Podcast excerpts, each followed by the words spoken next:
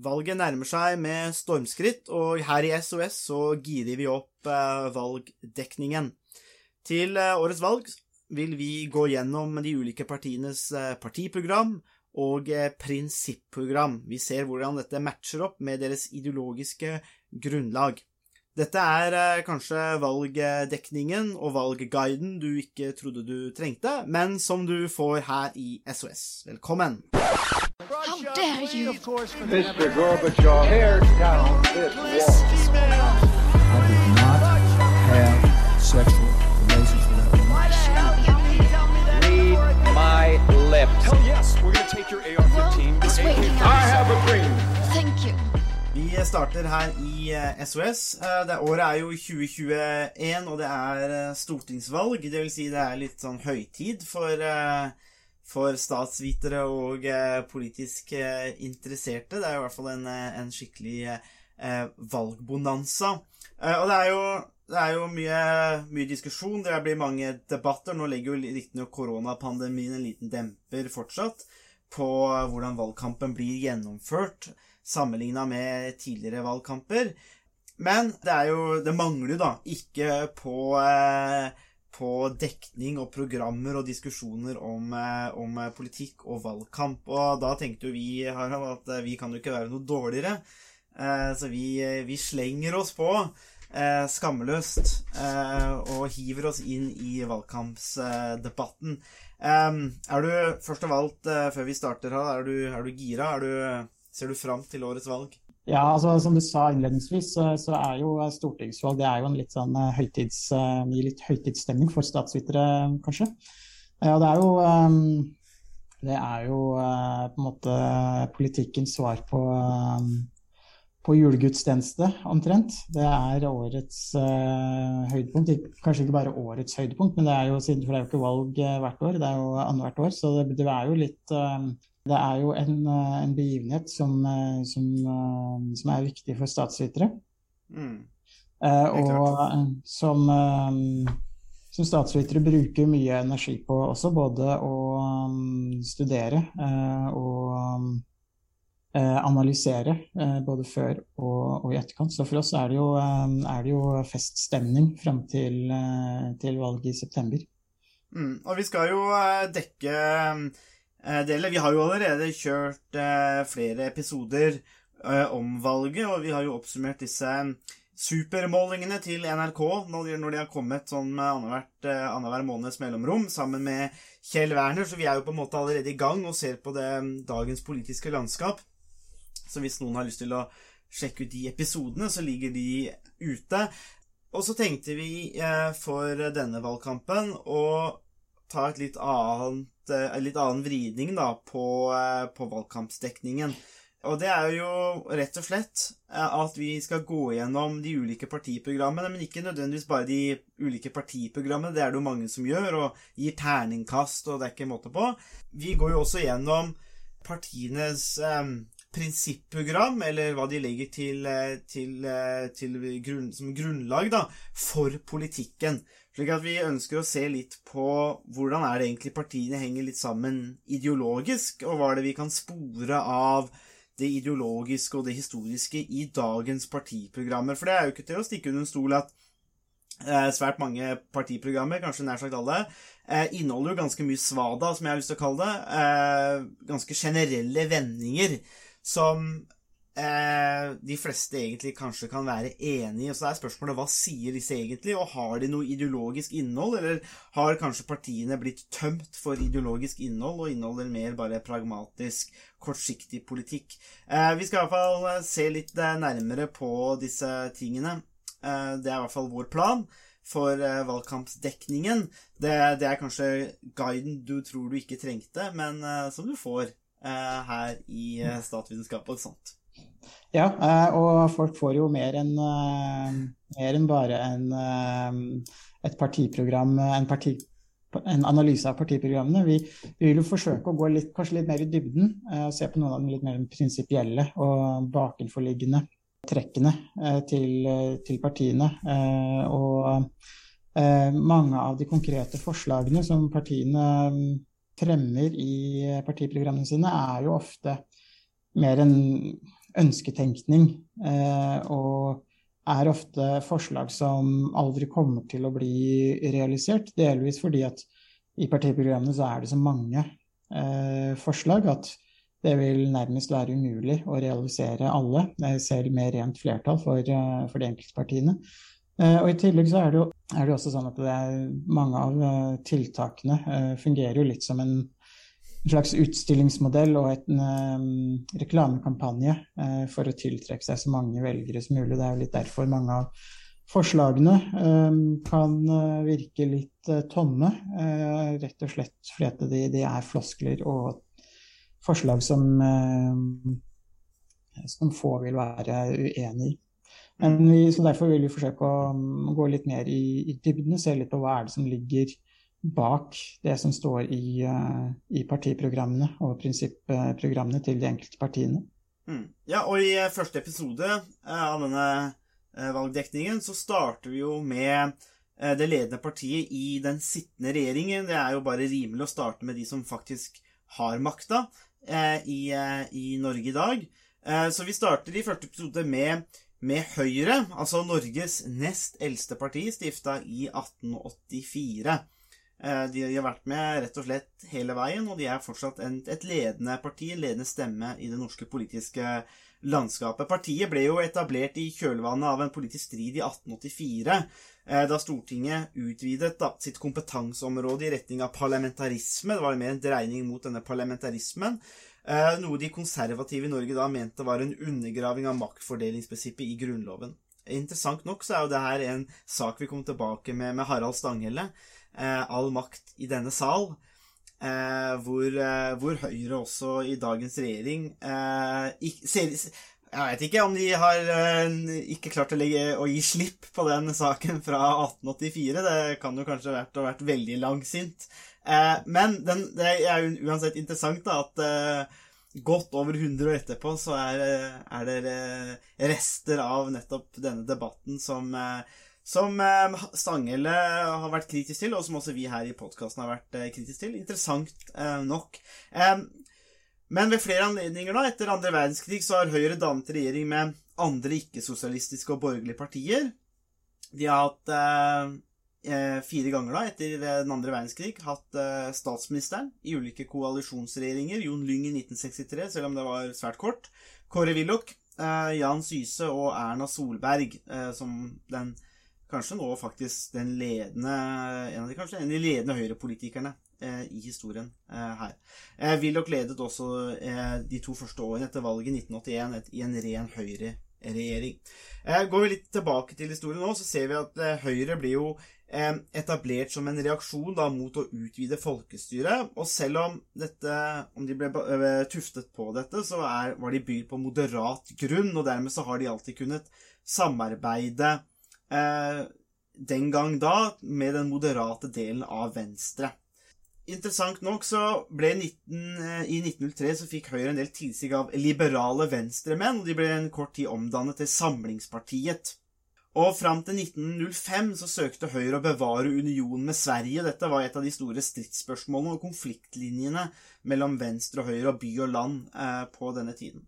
I 1913 tok partiet igjen navnet Høyre, og fra mellomkrigstiden ble partiet en viktig forkjemper for borgerlig samarbeid mot den politiske arbeiderbevegelsen, da.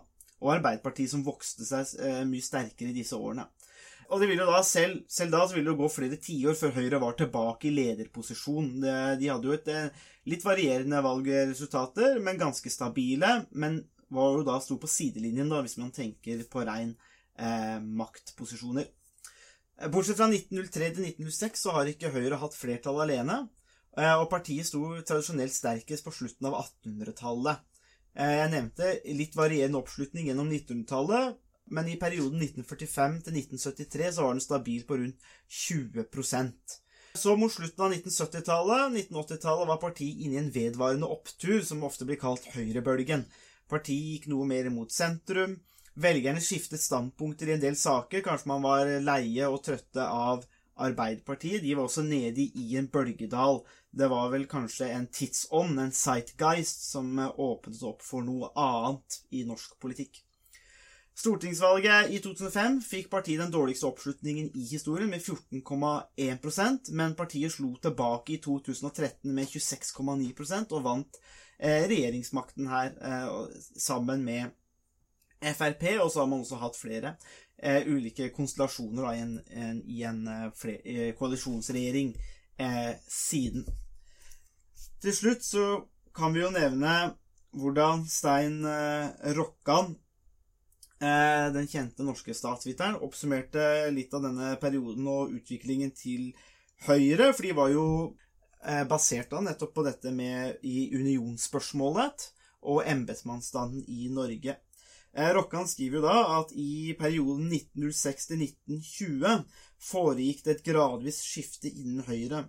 Fra å være representant for det offisielle Norge, eller The Establishment, forandret partiet seg til å bli talerør for de nye industri- og næringslivsinteressene i landet, og hevdet det private økonomiske initiativ mot statsinngrep. Partiet brøt imidlertid aldri helt med sin fortid, og beholdt viktige deler av sin tidligere ideologi om den sterke og nøytrale stat som embetsmennene verget mot venstre. Men samtidig tok partiet opp i seg innslag fra den laissez-faire-liberalisme som rådde i det industrielle og finansielle borgerskap. Spenningen mellom disse verdikonservative, Burke-inspirerte grupper og den liberalistiske fløy i 1950-årene gjenspeilte det tidlige linjeskiftet i partiet. En del interessante poenger der fra, fra Rokkan, syns jeg, Harald. Vi har snakket litt om dette her før, men hva og, og, og Rokkan nevner jo litt dette med konservatisme, laissez-faire, eh, verdikonservatisme. Hva, hva vil egentlig si å være et verdikonservativt eller et konservativt parti? Ja, ehm, Det er et veldig godt spørsmål, tenker jeg, eh, og et veldig, ehm, veldig fint sted å, å begynne når man skal analysere Høyre som parti og Høyre sin, sin politikk. Eh, Du nevnte så vidt eh, Burke, eh, Edmund Burke, eh, som var en eh, britisk eh, Filosof? politiker. Ja, politiker, filosof. Ja. Han hadde vel i og for seg kanskje mange, eh, mange roller. Men han har skrevet Han er spesielt kjent for eh, å ha skrevet en bok om den franske revolusjonen kort tid etter eh, den franske revolusjonen i 1789, eh, hvor han kritiserer den franske revolusjonen for å være for dramatisk, for drastisk, eh, for å gå på en måte for, Han kritiserer den ideen om veldig raske samfunnsendringer, og hvor han argumenterer for at samfunnet er bedre tjent med eh, skrittvise eh, endringer, eh, hvor man eh, gjør mindre endringer eh, over lengre tid, eh, og hvor på en måte summen av de ulike endringene til, eh, til sammen da blir eh, kan summeres opp til store endringer, men hvor man går sakte, men sikkert eh, framover. Og det er noe av det som også ofte legges i det å være et verdikonservativt parti. At man, man kaster ikke om på verdiene som eh, skal være førende for samfunnet eh, fra en dag til en annen. Eh, Men man gjør gradvise endringer over tid i takt med måte, samfunnsendringene. Hvordan ideer hvordan er, eh, ideologi og hva slags tankesett som er førende i, eh, i samfunnet. Så man argumenterer man for at man endrer samfunnet eh, gradvis. Så det er noe av det som ligger i, i et konservativt verdisyn. Og det er jo også interessant, for du var jo også inne på det med deler av Høyre sin verdi, verdigrunnlag eller verdiarv er jo også basert på det som ofte kalles laissez-faire-filosofien, som handler om at man skal ha minst mulig statlig eller politisk styring av samfunnet og økonomien. Og det er egentlig på mange måter noe av det motsatte, eh, siden det handler om at man skal ha stor grad av frihet, og at eh, revolusjonerende teknologi eller næringer eller industrier skal få mulighet til å, til å vokse og til å utvikle seg. Eh, og at man skal eh, i liten grad styre eh, samfunnsendringene. Eh, så sånn sett så, så er det jo også noe litt eh, selvmotsigende, eller det er noe som, eh, som verdigrunnlaget til Høyre kan, eh, kan se ut til å være noe konfliktfylt, og hvordan man skal forene de to elementene, er jo også noe som går litt igjen i uh, Høyre sin, sin historie, og også i uh, deler av prinsipprogram og partiprogram som man kan uh, kanskje finne noen spor av også i, i dag. De elementene der som handler om forholdet mellom individ eh, og resten av eh, samfunnet. Og der finner vi også noe av det som jeg var inne på, noe av den spenningen som ligger mellom eh, individets mulighet til å utfolde seg og individets ukrenkelige verdi, og hvilken rolle individet skal, skal ha i forhold til, eller hvilken rolle fellesskapet skal ha i forhold til, til individet. Er det sånn at fellesskapet er, eh, har prioritet over individet, eller er det individet som har prioritet over eh, fellesskapet? Eh, og det som er interessant der, er at i de delene som du nettopp siterte fra prinsipprogrammet, så får man inntrykk av at det er individet som, som er det viktigste, og som har prioritet over fellesskapet. Men samtidig, hvis man ser på de, det som som du også nevnte aller først, om eh, det å forandre for å bevare. Eh, og eh, det at man skal ta utgangspunkt i måte, den, eh, den kulturen som er i Norge i, i dag, eh, og måte, de eh, fellesskapene som, som finnes, så, sier, så er, ser man også at det, man forsøker å legge stor vekt på fellesskapets eh, betydning og de ulike eh, arenaene for fellesskap eh, Mm. som, eh, som finnes.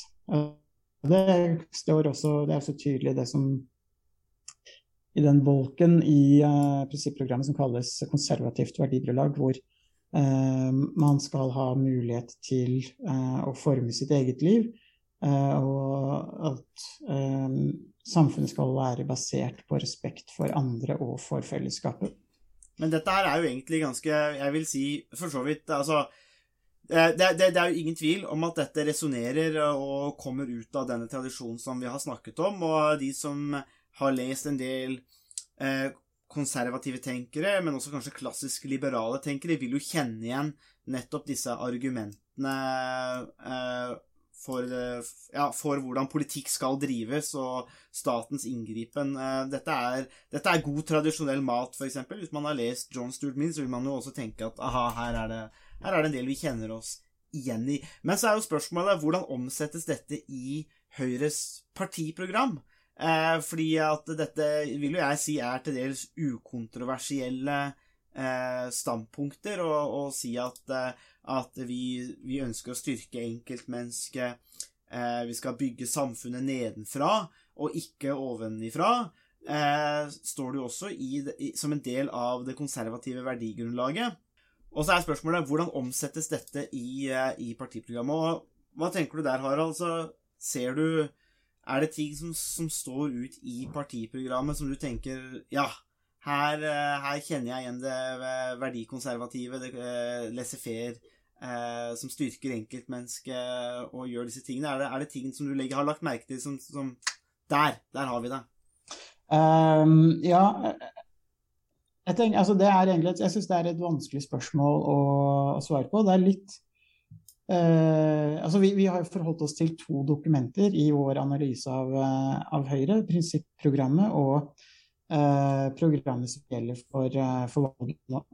Eh, og prinsipprogrammet er, er jo mer er ideologisk og eh, teoretisk, eller mer sånn altså det filosofiske og ideologiske grunnlaget for partiet. Og partiprogrammet er på en måte de konkrete eh, forslagene. Og det er litt sånn eh, Da jeg, leste gjennom, så tenkte jeg litt tenkte, tenkte jeg litt det at partiprogrammet til, til Høyre Jeg tror egentlig det her er en kritikk som, eh, som nok eh, rammer de fleste partiprogrammene og partiene vi skal analysere. Men det er litt sånn noen ganger når du leser eh, hva eh, ulike matprodukter in inneholder, så står det i en parentes nederst 'kan inneholde spor av nøtter'. Ja. Og, det er litt sånn, det, og da er det gjerne fordi at de, de har blitt produsert på den samme fabrikken hvor de også produserer produkter med nøtter. Men det betyr men det er liksom helt sånn mikroskopisk og minimale mengder med, med spor av nøtter eh, i produktet, gjerne. Og det er litt sånn er det med, med partiprogrammet til Høyre også. Det er på en måte kanskje spor av eh, nøtter, eller eh, altså ideologiske nøtter. Eh, men man finner ganske lite, lite igjen av eh, prinsipprogrammet i, eh, i selve partiprogrammet. Eh, og, det, det, og, det, tror jeg er noe vi antagelig kommer til å gjenta for de fleste. Eh, de fleste partiprogrammene vi skal analysere i løpet av sommeren og høsten. Så for, Det var egentlig en lang innledning for å svare på spørsmålet. men hvis man skal på en måte oppsummere svar på spørsmålet i en kort setning, så er det vel egentlig at det er relativt lite eller få spor av det ideologiske grunnlaget. Man finner noen eksempler. altså Høyre har formuleringer i partiprogrammet som at Høyre tror på Norge. Um, Høyre har en um, uh, argumenterer for moderate lettelser i skatte- og avgiftsnivået. Og det er uh, formuleringer som på en måte passer bra med det litt sånn konservative. At man gjør små, mindre endringer, gradvis endringer. Uh, og at man har et pragmatisk syn på uh, forholdet mellom offentlig og privat sektor. Uh, man har i og for seg et positivt syn på privatisering og samarbeid mellom offentlig og privat sektor, men samtidig så understreker man viktigheten av den norske modellen den norske arbeidslivsmodellen. Eh, trepartssamarbeid mellom eh, fagforeninger, arbeidsgiversiden eh, og staten. Så man har samtidig ganske mange elementer av statlig styring. Så, så man finner ganske det er ganske beskjedne endringer i forhold til det som er dagens politikk. samtidig så finner man noen formuleringer som tyder på en altså hentydninger til eh, Det er ganske utvanna hentydninger til eh, laissez-faire og en, en mer sånn markedsstyrt tenkning som at man skal redusere statlig eierskap. Og at man skal ha eh, konkurransedyktige betingelser for næringslivet. At man skal ha forenklinger for næringslivet. Uh, og uh, det er eksempler på at man ønsker å styrke det private næringslivet. Uh, og at man skal gjøre det enklere og lettere å, å drive forretningsvirksomhet. Mm. Da kan man, så, kanskje si der at, ja, kan man kanskje si der at der kjenner man kanskje igjen noe av Rokkans analyse om Høyre som et parti for the establishment, eller basert rundt næring- og industriinteressene. At det, det, er et sentralt prinsipp her, da. Ja, eh, både og. Altså man finner igjen eh, deler av eh, de elementene som har vært viktige historisk for Høyre som et industriparti og som et næringslivsparti. Men samtidig mange av formuleringene som gjelder arbeidsliv og økonomi, er ikke nødvendigvis kjempeforskjellig fra eh, en del av de formuleringene man også kan finne eh, og har funnet i Arbeiderpartiet sine program tidligere og, og i dag, som på en måte vektlegger betydningen av et konkurransedyktig eh, næringsliv og eksport eh, og så, så. Så, så, selv om formuleringene kanskje er, er, litt annerledes, og vektleggingen er litt annerledes, så er det ikke nødvendigvis eh, kjempestore forskjeller. Mm. Eh, altså, man har litt annen vektlegging i Arbeiderpartiet og Høyre, men man er kanskje enig om noen av uh, de grunnleggende forutsetningene som uh, konkurransedyktige uh, eksportnæringer og den, den, norske arbeidslivsmodellen og osv. Arbeiderpartiet har jo tidligere også gått til valg på at man ikke skal øke skattetrykket. Mm osv. Og, og så forskjellen der mellom det å ikke øke skattetrykket og det å ha moderate lettelser er ikke så, så veldig stor. Det er kanskje snakk om 10 milliarder i et statsbudsjett, så det er kanskje snakk om 1% Så det er ganske små forskjeller sånn i, i praksis. Men uh, det, jeg tenker litt videre i, uh, i prinsipprogrammet kontra st uh, stortingsprogrammet, eller Ja, stortingsprogrammet.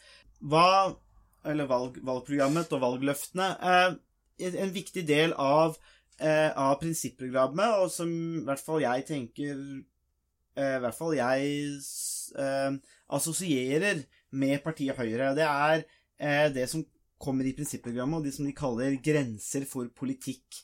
Eh, fordi at det er noe som har en ganske mange elementer i seg. Det kan gå på, på hvor mye statlig styring har man. Eh, det kan gå på troen på hva politikk kan løse.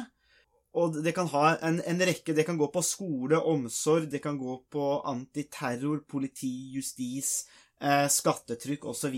Hvor mye er det man egentlig kan oppnå med politikk? Og eh, i hvert fall når jeg leser det, så synes jeg også til dels at det kanskje er litt tynt beskrevet, eh, eh, sjøl i et prinsipprogram. Og det, her har jo jeg vært kritisk til Høyre før. I en, I en, kronikk som jeg skrev i Dagsavisen, hvor jeg lurte på hva mener egentlig Høyre med frihet, eh, og jeg fikk et eh, litt sånn surmagra svar fra, eh, fra Frank Bakke-Jensen, som egentlig kun bidro til å forsterke mitt syn på at Høyre ikke veit hva de mener med frihet. men når vi da går inn til grensepolitikk, for jeg syns det er veldig interessant, for jeg tror både du og jeg, Harald, har et sånt ganske eh, om, om vi skal kalle det negativt syn på hva er det egentlig politikk Altså, hvor mye kan man få til ovenfra og ned? Hvor mye kan man eh, Og at vi også ofte tenker at Eh, en, et problem blant mange politikere er at de har veldig stor tro på sin egen evne til å styre. og Det her tror jeg gjelder de, de, fleste partier. Jeg tror det er noe vi kommer til å gjenta for de andre partiene, men vi snakker nå en gang om Høyre. Eh, og så har de da grenser for politikk. Og da er jeg litt usikker på om måte, hva er det vi finner igjen der i, eh, i partiprogrammet. Fordi når det kommer til, som sagt, til terrorisme og antiterror, så føler jeg at dette med at Eh, eh, man skal ha en begrenset stat, at der har Høyre, eh, og i den Høyre-ledede regjeringen siden 2013, gått motsatt vei. Vi har fått en, har fått en utvidet stat, men jeg vil si at den har blitt utvida negativt definert. Det vil si ikke på sånn positivt definert at den blir mindre og gir mer rom til enkeltmennesker, men negativt i form av statlig kontroll med kommunikasjon, overvåkning, innhenting av data eh, den type ting. Og noe av det er kanskje greit. Jeg føler at det har skjedd på en litt ukritisk måte. Eh, og at uh, der har plutselig grensene for politikk blitt veldig brede og blitt veldig utvidet. Og så tenker jeg og jeg vet ikke om du er enig med meg med der, Harald, på det punktet. Og så når jeg da leser også grenser for politikk, så tenker jeg at fokuset har kanskje vært lagt på nettopp det du nevnte med næringslivsinteresser Eh, og de tingene, og at eh, det er kanskje der man har lagt fokuset, da, at eh, det er der man har lagt mest vekt, at staten skal egentlig bare åpne opp mest mulig for privat nærings, eller næringsinteresse, og det er bra, men er det, er det riktig å si at, måtte, at det er dit fokuset har blitt lagt, at grensepolitikk har handla mer om eh, mulighetene for å skape altså næringsliv, og at det har vært næringsinteressene som har stått i sentrum, da? Uh, ja, uh, jeg tenker det her er noe av det aller viktigste som gjelder Høyre sitt, uh, sitt program. Jeg er egentlig helt enig i alt du, alt du har sagt. og Høyre har, som du sa, et punkt, eller underkapittel, i prinsipprogrammet som heter 'Grenser for politikk'. Men når man ser på partiprogrammet, så er inntrykket mer at det er grenseløst når det gjelder eh, hvor mye man kan eh, oppnå med politikk, og hvor eh, detaljert politikerne skal styre. Og inntrykket er litt mer det at det er bedre altså det er det at altså Forskjellen mellom, mellom f.eks. Arbeiderpartiet og Høyre, som har historisk vært de to hovedmotstanderne i norsk politikk, er bare at det er bedre når Høyre styrer enn når Arbeiderpartiet styrer. Altså begge vil styre, eh, og Høyre eh, sier ikke at vi skal styre mindre enn Arbeiderpartiet, de skal bare styre annerledes. Mm. Og Hvis man ser på noen av forslagene i, eh, i partiprogrammet, så syns jeg faktisk det er litt deprimerende å lese når, altså hvor detaljert politikerne skal styre. I hvert fall med utgangspunkt i at man som Høyre har et prinsipprogram som sier at det er ganske stramme, strenge grenser for uh, hvor mye politisk styring som man skal ha. Man kan se på noen av eksemplene. Høyre eh, vil f.eks. Eh, at eh, man skal stille veldig eh, tydelige, mange detaljerte krav til f.eks. bemanning i barnehager. Eh, og man skal ha en, Hver kommune skal f.eks. ha en pårørendestrategi som gjelder for, for de som er som, som, som, som, hver kommune må, må innføre. Eh, og man skal ha et veilederkorps eh, som skal veilede de, alle skolene. Eh, og, man skal utvide produsentansvaret for produkter som blir produsert, i det som Høyre kaller for et livssyklusperspektiv. Og man skal opprettholde og endre eh, det som er en særnorsk eh, avgift på drikkevareemballasje. Så når man kommer til mange av detaljene for hvordan samfunnet skal utformes, så er det ingen grenser for eh, hva man skal eh, for hva man skal regulere politisk. Eh, Den eneste forskjellen er at det, det kanskje er litt Den eneste forskjellen, store forskjellen mellom Høyre og Arbeiderpartiet er kanskje at Arbeiderpartiet vil regulere litt andre områder av samfunnet enn Høyre.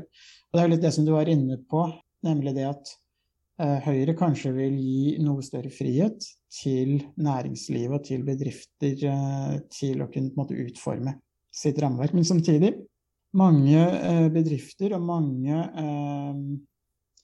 deler av sivilsamfunnet som vi kanskje vil drive aldershjem, barnehager eller ulike, ulike virksomheter, vil jo også bli berørt av mange av de tiltakene Høyre, eh, Høyre ønsker å iverksette. Eh, og eh, det, som, det som slår meg når det gjelder næringsfrihet, er, det, er hvor stor det at man kanskje i praksis legger stor vekt på å gjøre det lettere for store bedrifter i større grad enn mindre bedrifter.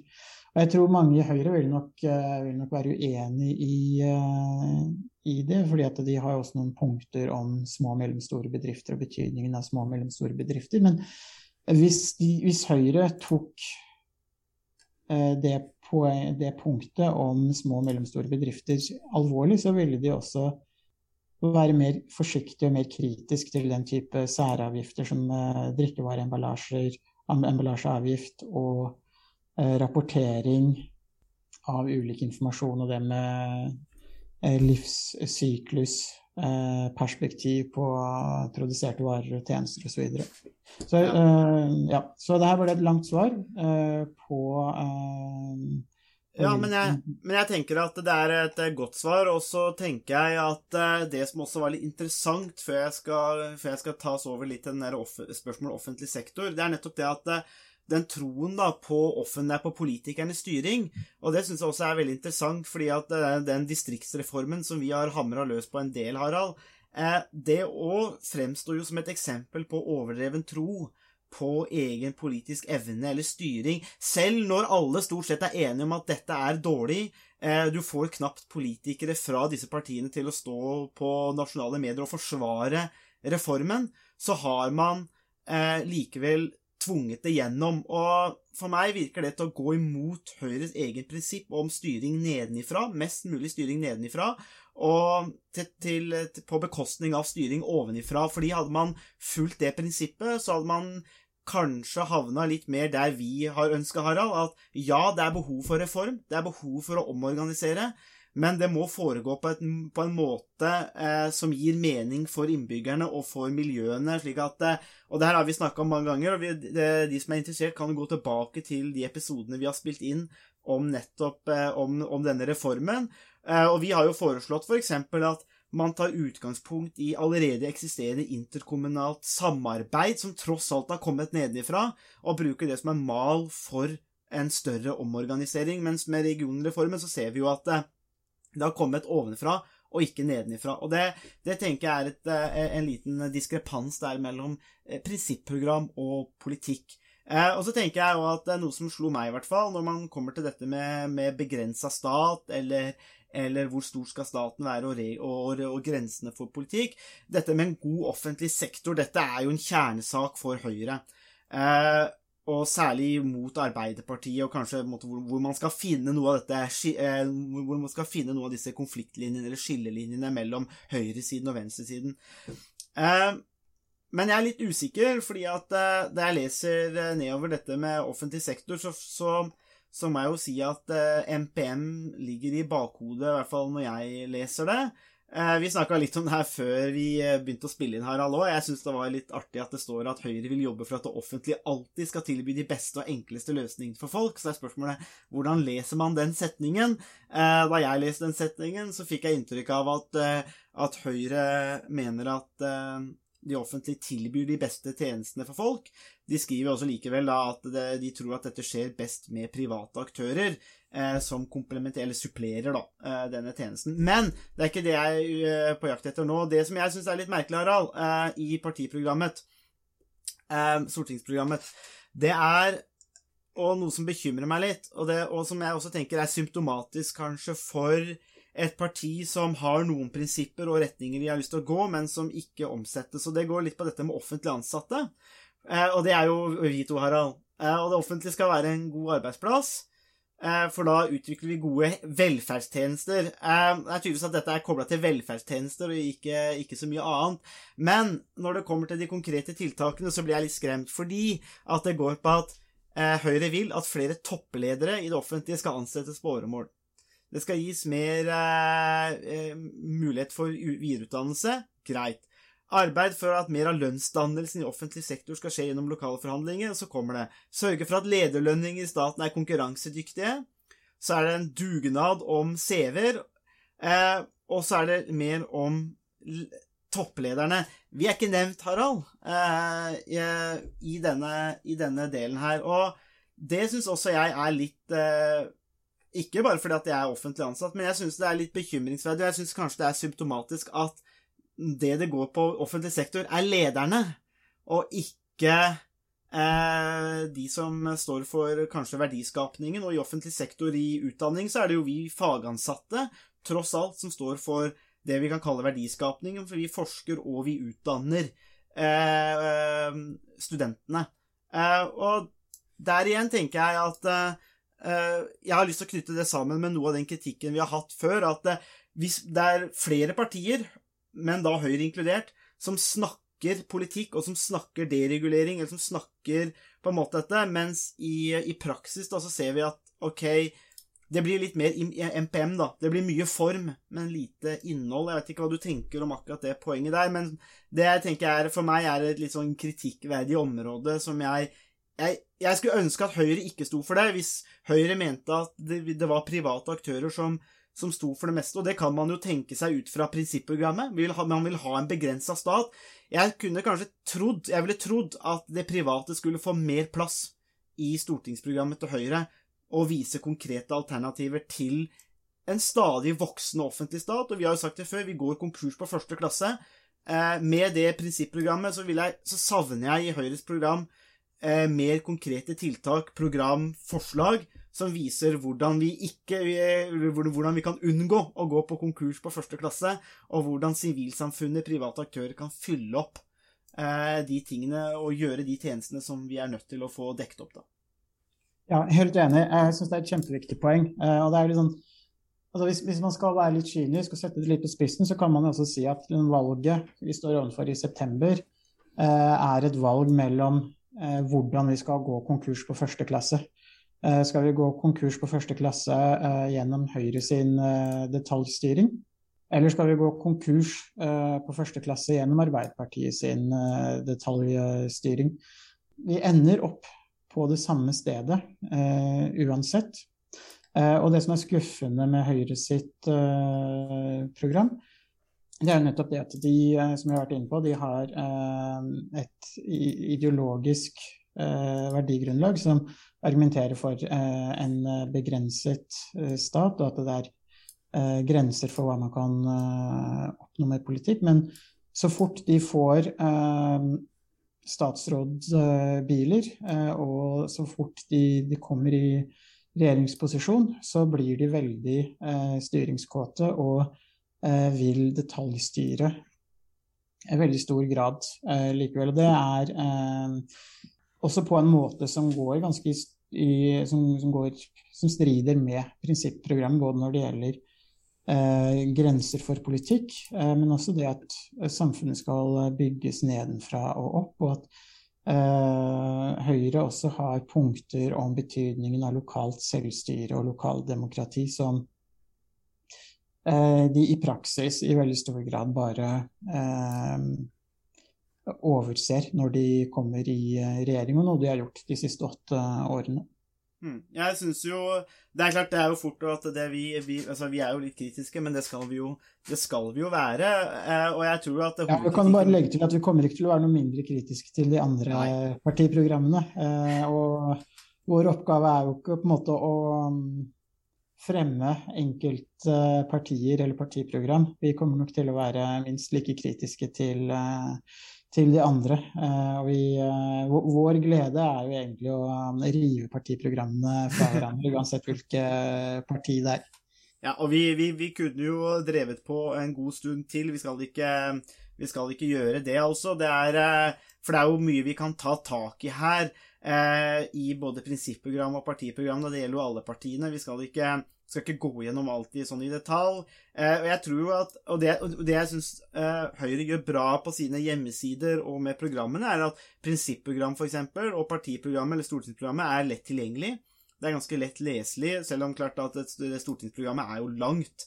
Eh, Så hvor mange leser eh, de eh, 82 sidene som, eh, som partiprogrammet består av? Usikkert. Eh, Prinsipprogrammet er jo litt kortere, men det er veldig lettfattelig, og man kjenner jo igjen en del ting, særlig for oss som jobber med det, så kjenner vi jo en del ting igjen, og det, det setter jeg en del pris på. Og jeg har lyst til, som en oppsummering av programmet, for jeg synes at eh, at eh, dette, var, dette var kritikken, eller inntrykket jeg satt med for noen år siden da jeg skrev den kronikken om Høyre, og jeg synes fortsatt det gjelder, er det at eh, i prinsipprogrammet så er prinsippene egentlig ganske klart definert eh, og godt forankret i det konservative verdigrunnlaget, det humanistiske.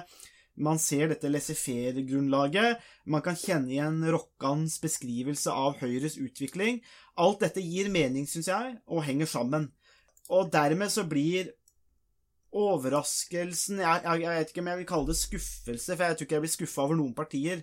Eh, Det er vanskelig å bli skuffa når man ikke har noen forventninger, men overraskelsen blir desto større at jeg, skulle, jeg skulle nok kanskje like å se at Høyre var enda tydeligere på nettopp dette, altså disse prinsippene, eller dette, det, det de er forankra på, at de artikulerte det på en klarere måte. Og jeg syns kanskje at dette med oppsummeringen av av den offentlige sektoren, og du har vært inne på en del eksempler, Harald, det blir liksom så jeg vet ikke om grumsete, men det blir så uklart.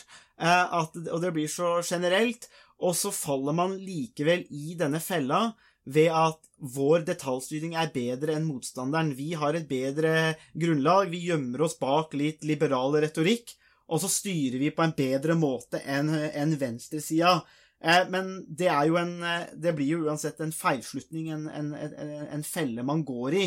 Eh, Og det er kanskje det som, hvis vi skal bruke ordet skuffe litt, da, og som gjør at jeg ikke nødvendigvis da tror på Høyre, som de, på samme måte som de tror på Norge, så, så tror ikke jeg helt på Høyre, og jeg ville nok følt, føltes, jeg ville nok følt at det hadde vært mer autentisk om jeg så mer konkret politikk som hang sammen med de prinsippene, og man, og man artikulerte det på en klarere måte. Og det, det savner jeg i det. Det er min hovedtakeaway fra å ha lest prinsipprogram og partiprogram, at jeg savner mer kontinuitet og mer koherens mellom nettopp disse tingene. Da. Ja, jeg er helt enig. Um, jeg syns prinsipprogrammet er godt i den forstand at man, det er lett å finne igjen de, måte, de mer sånn filosofiske, ideologiske prinsippene. Uh, de, de, er, de tydelig uttrykt, uh, og det er veldig uh, klart hva slags verdigrunnlag Høyre står for.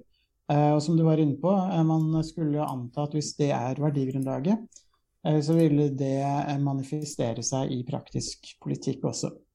Eh, Det gjør det ikke eh, i eh, så stor grad som det man kunne, kunne håpe eller, eller på en måte forvente, hvis det er det verdigrunnlaget man tar utgangspunkt i. Så oppsummeringen min er, er den samme.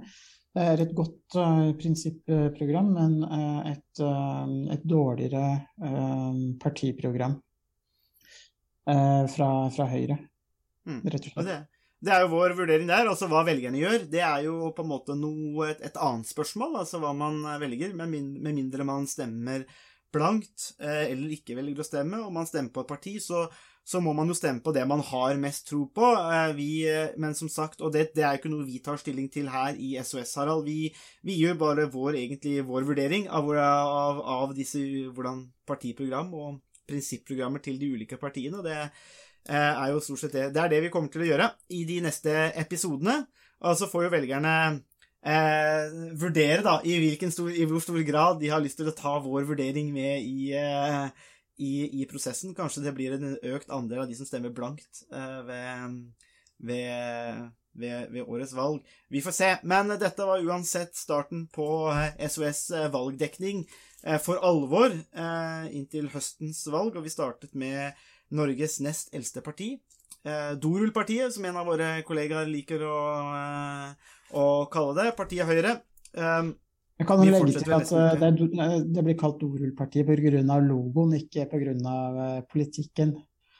jeg, jeg Eh, vil anta at det er, det er det kollegaen vår har ment, eh, men eh, det er tydelig at den er litt åpen for, eh, for, eh, for tolkning. Så får vi se hva parti- og pri, pri, prinsipprogrammet skal, eh, skal brukes eh, til. Det var det vi hadde å by på i denne ukas episode av Statsvitenskap og sånt. Musikken er komponert av Robin Horvath, og Thomas Colato står for miksing og redigering. Du finner oss på Facebook, bare søk på statsvitenskap og sånt. Der kan dere komme i kontakt med oss hvis dere har spørsmål eller kommentarer. Der finner du også aktuelle artikler, videoer med mer. Vi setter pris på om dere liker sida, og deler den med andre som dere tenker vil ha glede av å høre på podkasten.